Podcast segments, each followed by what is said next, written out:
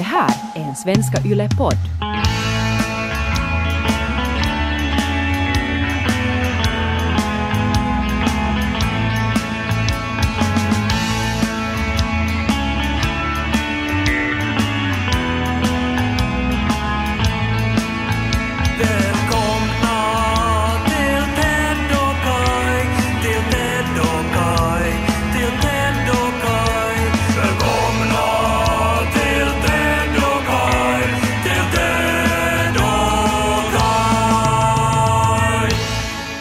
Är det barn nu då som gäller då?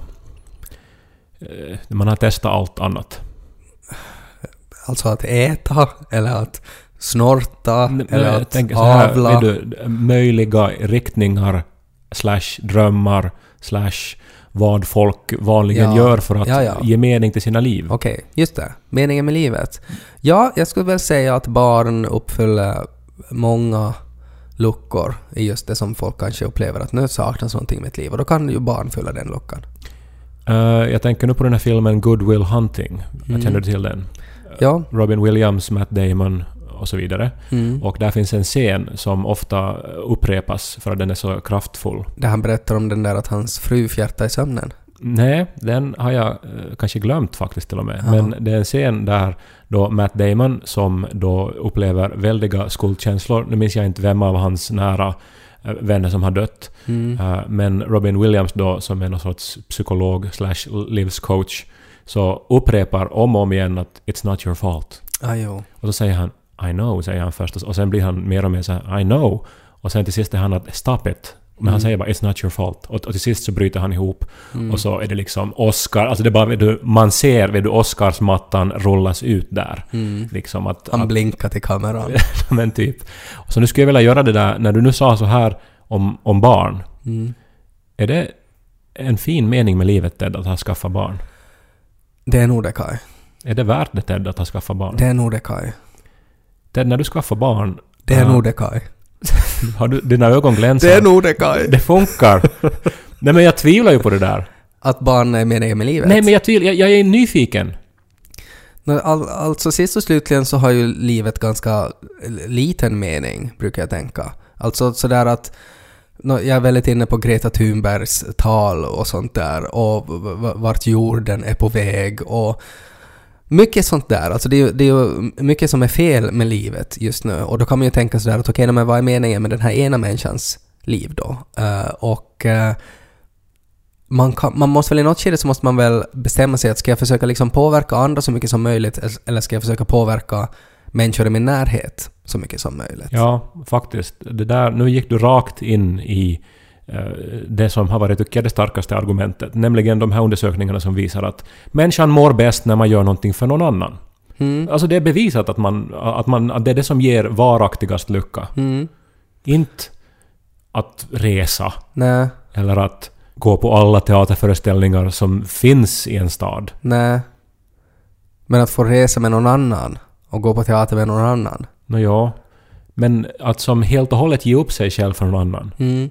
Det är väl det då? Det är väl kanske, det kan ju vara någonting evolutionärt i det där också, eller biologiskt. Alltså att i något skede då när man är kanske i den här åldern som vi är i, eller tidigare, beroende på individuell varians, så kanske det kommer något så här att nej men nu har jag liksom gjort det mesta, eller nu har jag liksom varit i London, nu har jag sett på Cats, eh, och eh, vad, vad ska man sen göra?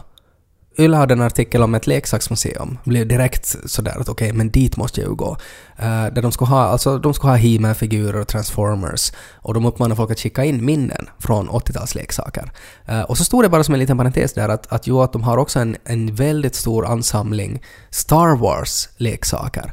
En komplett samling Star Wars-leksaker som donerades till dem av en samlare som upplevde att när han hade fått den sista delen av sin samling så fanns det ingen point med det längre. Så då frågade han åt om ett ville ha det. Eller var det så att han fick en flickvän?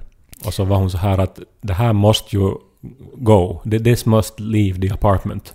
Alltså det är ju mer troligt att det var så, men att det är ju finare tycker jag, en finare berättelse att, att om man så här psykologiskt är en samlare, att man upplever att nu har jag satt den sista pusselbiten. Vad ska jag nu göra då? Nej men, jag kan, kan ju stritt till Roskisen. Eh, att, eh, att det rent psykologiskt blir någonting så här att man kommer till ett skede i livet där det är så att okej, nu vet jag inte riktigt något mer vad jag ska göra, men om jag ska trycka ut en baby, Ja, så men- då ska jag kunna göra saker med den. Ja, precis. Och, men jag har bara som på något sätt lite så här med, eh, ska vi säga, höjd näsa titta på människor som skaffar barn och tänkte att ja, men de tar den enkla vägen, vet du. Den enkla vägen att, alltså inte den enkla vägen, Enkla vägen att inte använda kondom. men alltså jag tänker inte alltså ett enklare liv, för säkert blir det mycket mer att eh, liksom fundera på och vara oroa, o- orolig för. Det men ett det. enkelt sätt att skaffa mening med livet. Ja, Och det är det. Till exempel då, då de som då är barnlösa eller de som är så här att man, att man inte får barn med sin partner för att biologin är inte funtad så att män får... Man har ingen livmoder i reven, så att Nej. säga. Nej, det är sant. Ja, eh, så vi måste liksom då ta vårt ansvar och liksom skapa mening på ett annat sätt. Mm. Och jag har tänkt att ja men det ska jag göra och det, det är jag bra på för jag har haft drömmar i livet. Jag skulle bli författare eh, och jag skulle liksom eh, se världen och jag skulle skaffa mig ett hem i en stad som jag trivs i och så vidare. Mm. Och eh, nu är jag ju där då. Nu har du gjort det där. Nej, men det var tio år sedan, det, kom på Facebook en sån här påminnelse, det var tio år sedan, eh, dels sen min muffa dog och Mm. det betyder att det var tio år sedan min för första roman kom ut. Mm. För att de hände typ samtidigt. Det var faktiskt så att min muffa begravdes på recensionsdagen för min första roman, Oj. 2009. Och eh, till all lycka så var det en, en helt, ett, ett bra mottagande av romanen. För jag var annars ganska så här uh, nere den dagen. Ja, Eh, så att, eh, men det var ju alltså Muffa som upp- uppmuntrade mig att skriva. mm. Han var den enda som hade böcker i släkten. Eh, han var bokbindare. Om man kör genom Esse så, så ser man Dalunds bokbinderi uh, bredvid kyrkan. Det är min muffas eh, bokbinderi. Nu för tiden så, så, så är det min morbror som äger det. Mm. Eh, Men det här... eh, Så... eh, När jag skrev historier så stiftade han ihop dem till såna här små häften. Och sen så började jag skriva på skrivmaskin och då kopierade han dem i typ 20 exemplar och delade ut till folk. Och han, han liksom lärde mig hur jag skulle som stifta rätt för att, det skulle som, för att sidorna skulle komma i rätt ordning. Det skulle hålla ihop. Det är jättefint. Mm. Och eh, sen då så började jag ju skriva och eh, blev refuserad en massa gånger och eh, så blev Muffa sjuk, fick Alzheimer, blev en annan människa. Men jag fortsatte ju skriva och eh, min roman blev antagen för publicering, skickades till tryckeriet och kom från tryckeriet en vecka tidigare än planerat. Och nu när jag är lite mer erfaren författare med flera böcker bakom mig så vet jag att det här är jätteovanligt. Mm. Alltså böcker kommer inte från tryckeriet tidigare än vad de ska. De är ofta försenade. Ja. Eh, Men nu kom då min debutroman en vecka för tidigt. Och jag skickade den genast till mamma. Och det här var ju tiden då posten ännu funka. Och eh, mamma fick den och hälsade på Muffa och eh, läste ur boken för Muffa. Och två dagar senare så dog han.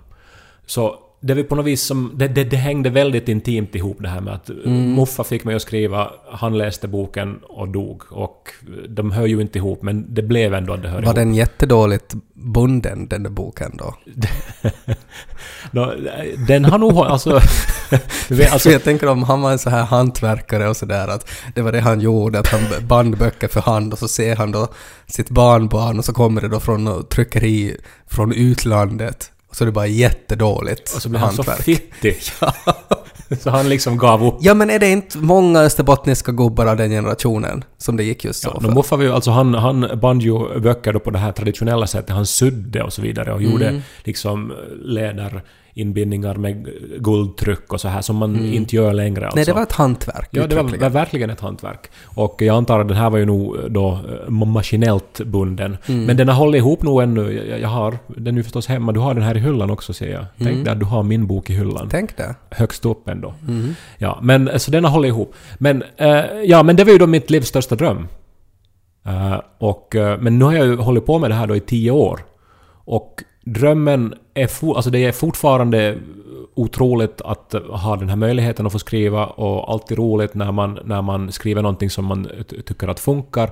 Jätteroligt att ge ut böcker och så, och så vidare. Vår eh, tredje bok i serien Zoo har ju kommit nu i höst och det är Mm. liksom det är min sjunde bok på tio Ja, år. Och det det är kan- fortfarande häftigt när de kommer från tryckeriet. Ja. Och, eh, men, men samtidigt så är det att, ja men är det det här då? Mm. Eh, Att, Att ännu en bok att ha i hyllan. Mm. Och samma sak har det varit det här när jag har rest nu så här att, att, att ja, okej, nu- men nu börjar jag kunna det här ändå. Att Har, du här är- provat, har du rest någon gång med dina böcker då? Liksom att du har farit till Eiffeltornet och så har du hållit upp under boken och, och visat sådär att se du, där är Eiffeltornet. Jag hade ju tänkt för att min senaste roman, Underboken, handlar om en eh, diktsamling att om man läser den så, så tar man livet av sig. Så jag hade ju en sån här reklamkampanj, hade jag tänkt, att jag skulle få lämna boken på olika broar och olika höga avsatser och så här. Och så hittar folk den där och Som vad är det här för någonting? uppmaning att ta livet av sig. Nej men så här att någon hittar dem där och vad gör den här boken här? Och så börjar de läsa och så vad är det någon som har suttit och läst den här? Och sen så har de faktiskt hoppat! Ja, du Men borde det- ha lämnat ett par skor då. Ja, och överlag inte kanske en bra reklamkampanj för en bok. Nej, nej, alltså, eh, alltså självmord är inte Ja, bra nej men jag gjorde ju den inte Nej, så här. det skulle varit bättre om du skulle ha skrivit de här dikterna som gör att man får fel i huvudet och faktiskt i smyg fört dem till Arken, alltså humanistiska fakulteten i Åbo, och lämnat dem där. Alltså de här som väl inte nämns i boken. Ja, det nämns delar av dem. Ja, Ja, alltså du borde ha skrivit hel, helheten.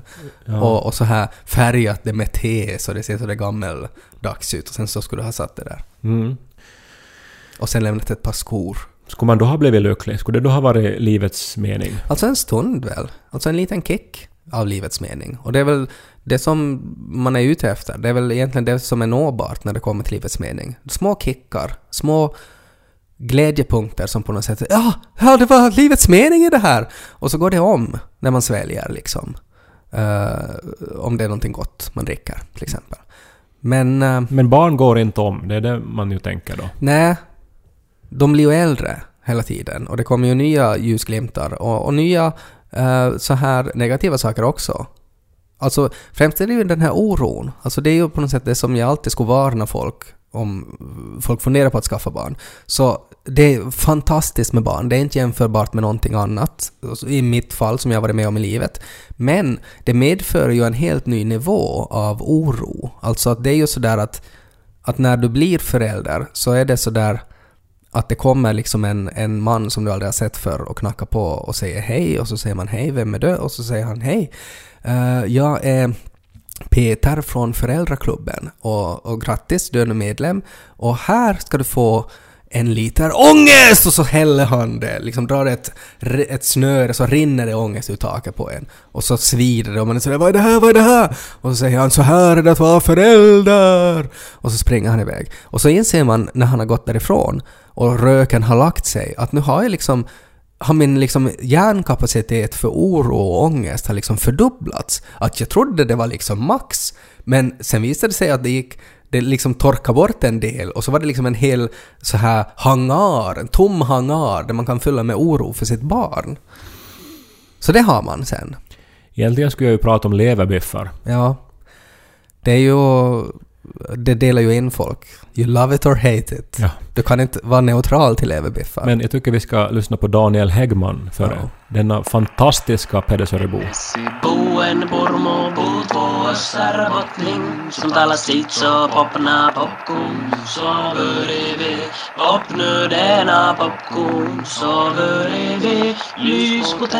Kai Jag tänkte bara om du skulle kunna försöka förklara vad det är som pågår, eller hur man ska förstå det. Eller så bara du skulle dela den här känslan. Eh, Jag var hemma i Österbotten och hälsade på mamma och pappa. Jag var också och uppträdde i Vasa. Jätteroligt. Spännande att du får så här barnångest och sånt där när du har varit och hälsat på dina egna föräldrar. Ja, man blir ju medveten om eh, att man ju själv har varit det här barnet som kanske har gett mening till sina föräldrars liv. Mm. Och... eh, Man hoppas ju det. Nå, nu vet jag, nu gillar de ju sin husbil också. Ja. Men nu hoppas jag ju att när de ser tillbaks på sitt liv så tänker de först på mig Men, ja. och de andra barnen. Men jag förstår känslan av att det är ändå lite oklart.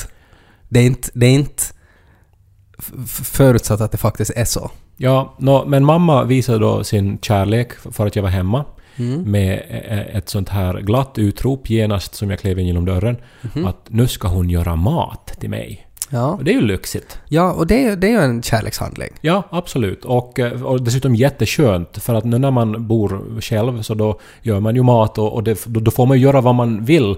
Men det är ju framförallt mycket jobb med att göra mat. Mm, och Så det att- blir ju på något sätt, alltså det att man kommer hem och får mat så är ju också den här känslan på något sätt jag känner hur jag har den här metaforiska skolryggsäcken på ryggen som är tung med böcker och man måste läsa på prov och sådär och sen när man liksom tar av sig den och låter den falla på golvet i tamburen och så gör någon annan mat åt en.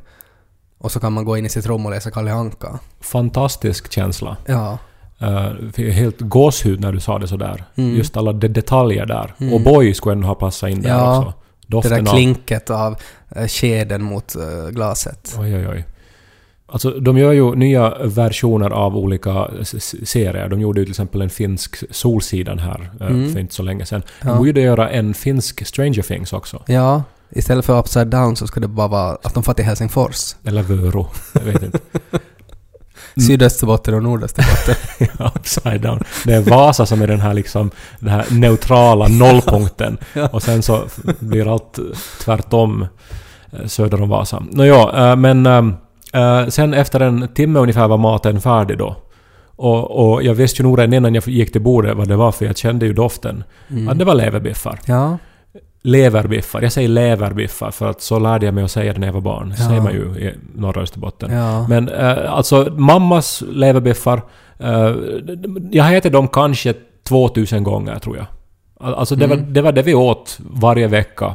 Uh, åtminstone en gång i veckan. Ja. Och, och sen alltid... Det är, väl, alltså, det är väl något intressant med det också, att det är ju på ett sätt är det ju liksom en delikatess. Men det är också en sån här delikatess som kommer från kriget. Alltså sådär att man hade en tillgång till liksom alltid det här bästa köttet, så att då åt man ibland lever och var sådär att nu ska ni vara glada att ni får lever. Ja, och lever är ju nog, det delar ju verkligen folket som du sa. Mm. Eh, Och eh, jag vet att på sådana här fina restauranger så har, om, om de har grillad lever så är det ju så här ett, ett tecken på att det är en bra restaurang. Mm. Och, och eh, människor som kan lever så tar ju den grillade levern och är väldigt lyckliga. Mm. Kan vi lyssna på Hannibal Lecter som säger det här kända om lever? A census taker once tried to test me. I ate his liver with some fava beans and a nice Chianti. Ja men sådär, för jag tycker att det är lite äckligt ändå nog Ja, jag men det, folk som äter det är väl på något sätt, alltså Hannibal Lecter på något sätt kryddar ju nog ens förhållande till lever. Alltså att han får ju det på något sätt att smaka mänskligt. Mm. Men nu blir jag faktiskt illa till mods här, men att... Sen är det ju roligt också att det heter lever. Ja. Alltså sådär som att han levde ännu när vi gjorde biff av honom. Men, men, men det som är roligt också, en detalj med mammas leverbiffar, är att de består till 80% av potatis. Riven Jaha, potatis. Okej. Eh, och sen är det lite lever i då. Ja. Eh, så, så att man äter ju Ännu potatis billigare. med potatis. ja. då, Kriget i Österbotten kommer det ifrån då. Ja. Men hur som helst. eh, det delar folket. Jag har alltid tyckt om mammas leverbiffar. Ända tills kanske för några år sedan när det blev så här att nu har jag nog ätit de här så många gånger och Mm. liksom eh, det, det, det, det är inte den mat jag helst eh, äter. Nej. Faktiskt kanske en av de maträtter jag minst helst äter, Ja. kan säga kanske. Jag känner liksom nu när vi pratar om det så känner jag doften av leverbiffar. Ja, men de är liksom ätna i mitt liv nu. Jag har ätit mina leverbiffar tror Mm. Ja. jag. Det var också så som jag tänkte när jag slutade röka. Att sen när jag tänker att ja men nu borde jag nu få ta en tobak, så ska jag tänka att ja men du har nog fått tusentals. Du har fått dina tobaks. Tänka lever. Never again. Ja, kanske jag kunde ha en sån minnesregel. Mm. Eh, och sen så började jag tänka eh, och, och sen så sa jag det här till mamma också att, att, att minns du mamma då när eh, min, min ex-pojkvän eh, var till Esse för för första gången. Det här var ju också länge sedan. Eh, och eh, det var på många sätt en, en speciell stund för att jag hade aldrig haft hem en pojkvän tidigare. Eh, Det är något vi kan prata om en annan gång kanske, för det blir för, för många utvikningar här annars. Men, men då bjöd mamma på leverbiffar och eh, min ex uh, klarade inte av att äta dem. Eh, Så han, han, han liksom bad re, re, relativt artigt om att, att eller han, alltså om ursäkt att han inte kan äta det här. Men det, där gjorde han ju nog fel.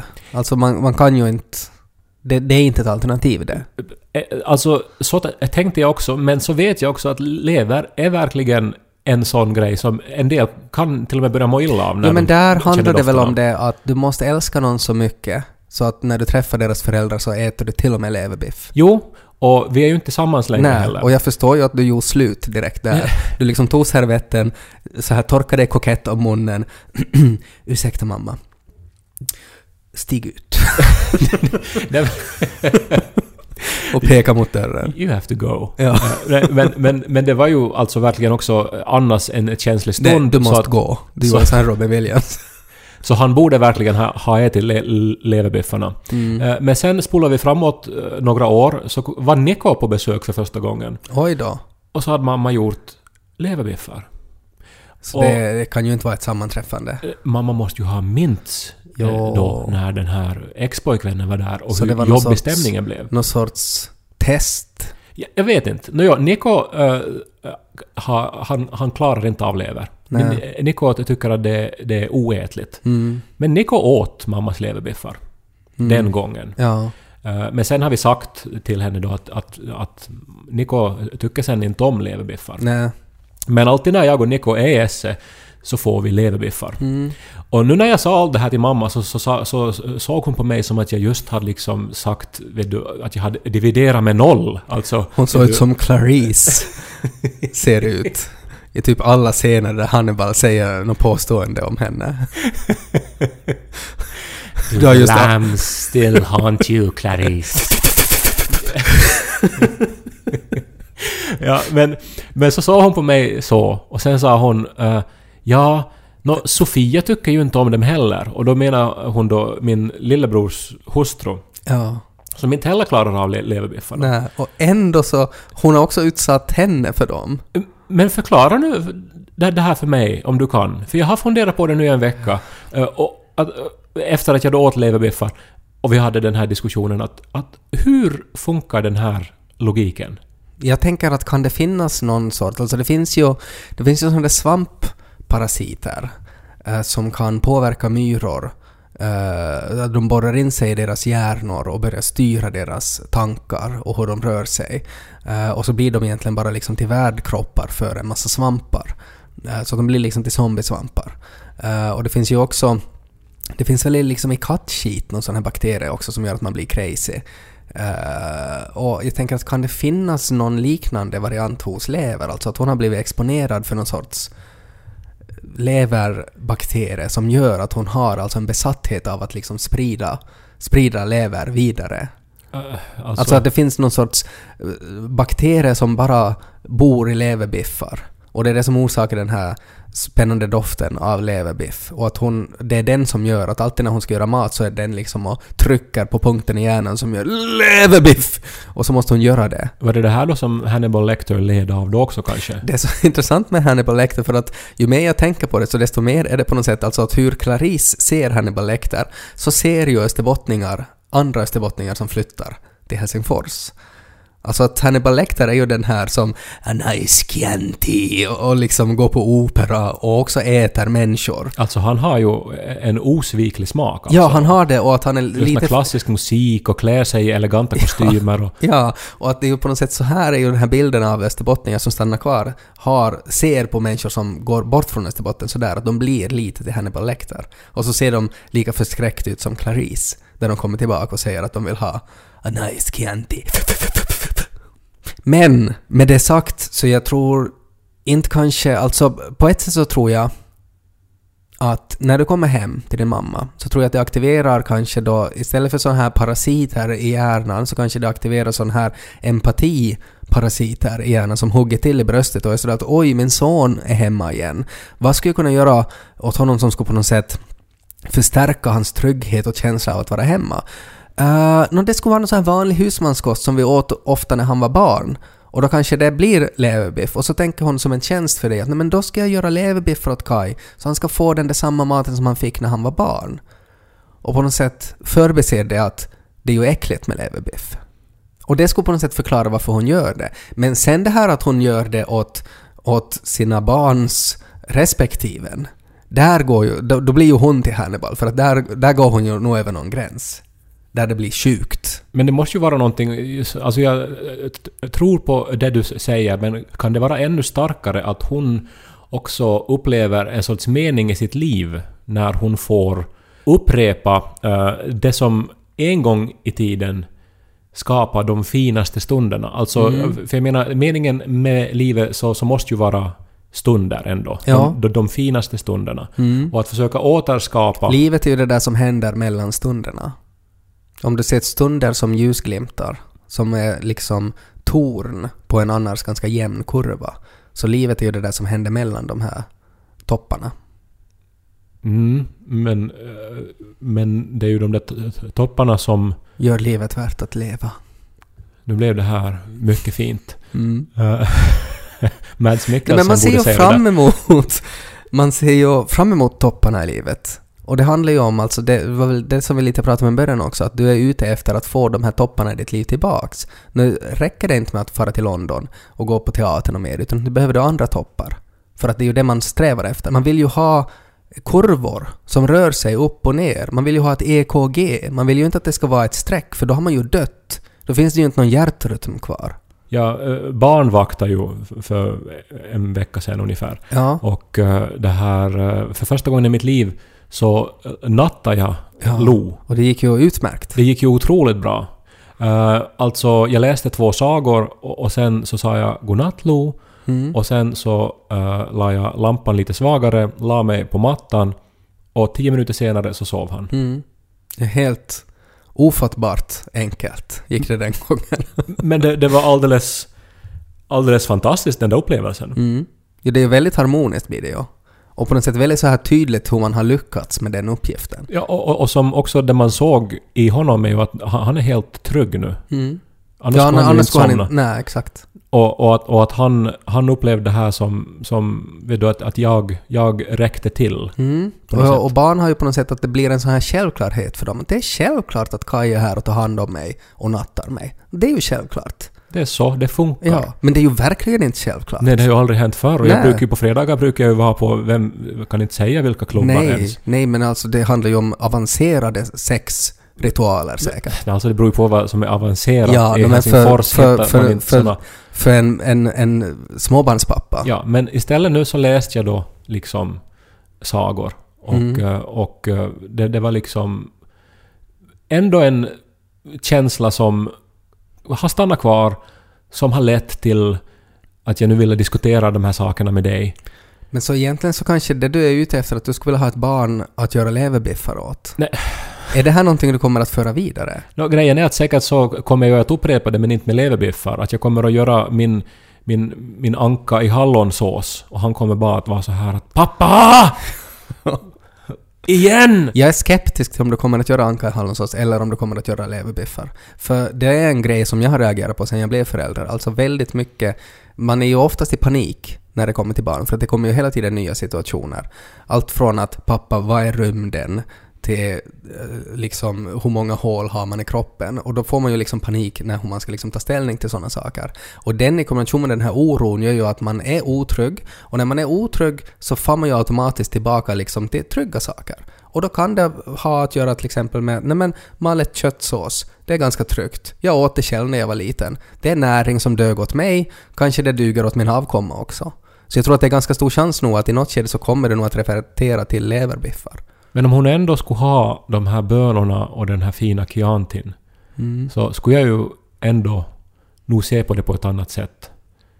Men det är ju alltså äh, lättmjölk och eh, potatis och lingonsylt till.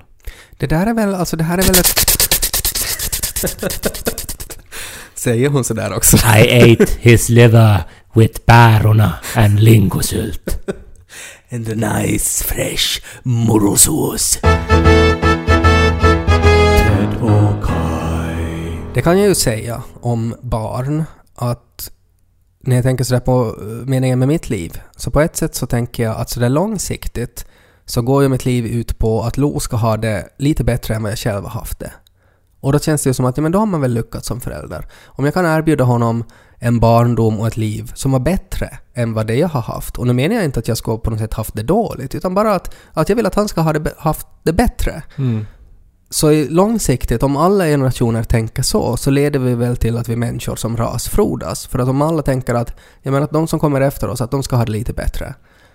Uh, så det, det, det är lite sådär mitt långsiktiga mål. Sen kortsiktigt så får man otroligt mycket ut av att uppleva saker genom barns ögon igen. Alltså det är som att, som att få höra en häftig remix av en låt man tyckte väldigt mycket om. Mambo number five till exempel. En klassisk låt. Angela, Mambo number five. Dut, dut, dut, dut, Så alltså en metoo-version av Mambo number 5, uppdaterad för att Nej, funka idag. nej, inte så, utan rent, mer som en dubstep-version av det. Man har inte ändrat lyricsen. De är ju under all kritik fortfarande. Men att man, att en sån här låt som man har ett förhållande till och tyckte att det var jättebra, men att det är ju inte en låt man ska liksom så här sätta på och lyssna på något Nej, mer. Precis. Eh, och så är det till exempel med julen, till exempel. Att nu är det ju en helt kiva högtid och sådär, men att den har ju nog, man har ju haft många jular. Lika som man har ätit många leverbiffar. Men att när man har ett barn som är sådär att vad är det här julen för någonting? Vem är den här julgubben? Får man presenter? Och så är man med och liksom på något sätt deltar i den lyckan och den ivern. Så det tycker jag är obetalbart. Och det, är, Ja. det är någonting man på något sätt bara kan leva sig in i genom att, att se med, med liksom en ny människa som upplever saker för första gången. Men hur är det tio år då, när barnet fyller tio? När Mm. de här jularna med barnen också är Ja, men för det upplevda? händer, det händer så mycket. Alltså, jag tror att det är väl nog mer när barnen kanske blir 20 som det börjar stagnera. För att det händer så mycket annat. För att för varje år i den där åldern så är det något nytt. Det är nya, mer avancerade former av lego som man plötsligt kan ta del av. Och det är det som är det häftiga. Måste ju kanske nämna här nu då att eh, för några dagar sedan så publicerades ju en sån här rapport som visar att eh, finländarna inte får barn. Det har man ju Mm. vetat än. eh, Eller vi får väldigt lite barn. Ja, men att- alltså det, är- det är låg nativitet. Ja, och att redan år 2030, alltså om drygt 10 år, så då kommer befolkningen att börja minska stadigt i vårt Mm. land. Trots att vi har invandring, trots att vi då får barn, så kommer det alltså att dö fler människor än vad det kommer att tillkomma. Mm. Och, och, och det här har ju en långtgående konsekvens för hela landet och för ekonomin och för oss som i något skede ska bli pensionärer och så vidare. Mm. En orsak som ju då nämndes, eller det, det är ju en ett komplex frå- frågeställning, men är ju att man idag mer än någonsin som ung har möjligheter att göra i princip vad som helst. Mm. Att tidigare hade funnits knappare eh, resurser och, och möjligheter att eh, liksom till, till, till jobb och till resa och till att förverkliga sig själv. Idag så har vi jättemånga möjligheter och det gör att folk tvekar då att begränsa sig genom att då skaffa barn. Mm. Vilket ju makes sense, och så har väl jag också tänkt. Men vem ska man göra då eh, leverbiffar åt då, när man är 60? Inte orkar man ju göra dem själv. Nej, men då har man någon robot att göra det. Ja. Kanske du kan, jag menar inte vet man ju hur det sen när vi är 60, kanske du kan ha din mammas hjärna inkopplad i en robot som på något sätt gör de här leverbiffarna fortfarande. De intervjuade en man eh, i nyheterna eh, igår kväll och eh, frågade vad tror han att är orsaken till att dagens unga inte vill ha barn? Mm. Och sa han att det är för att de blir så skrämda med den här klimathysterin. så det är Greta Thunbergs fel nog. Ja.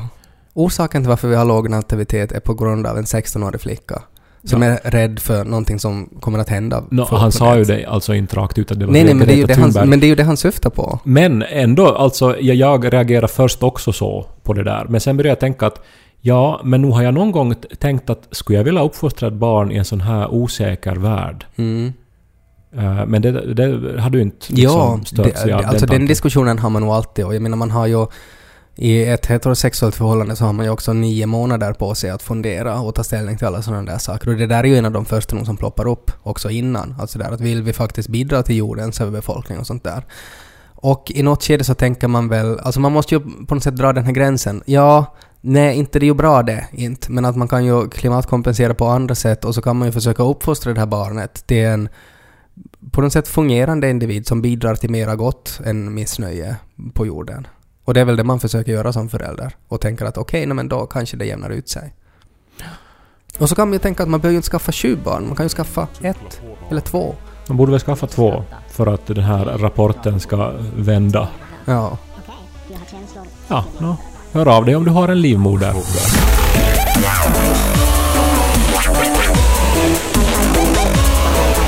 Mel Gibson.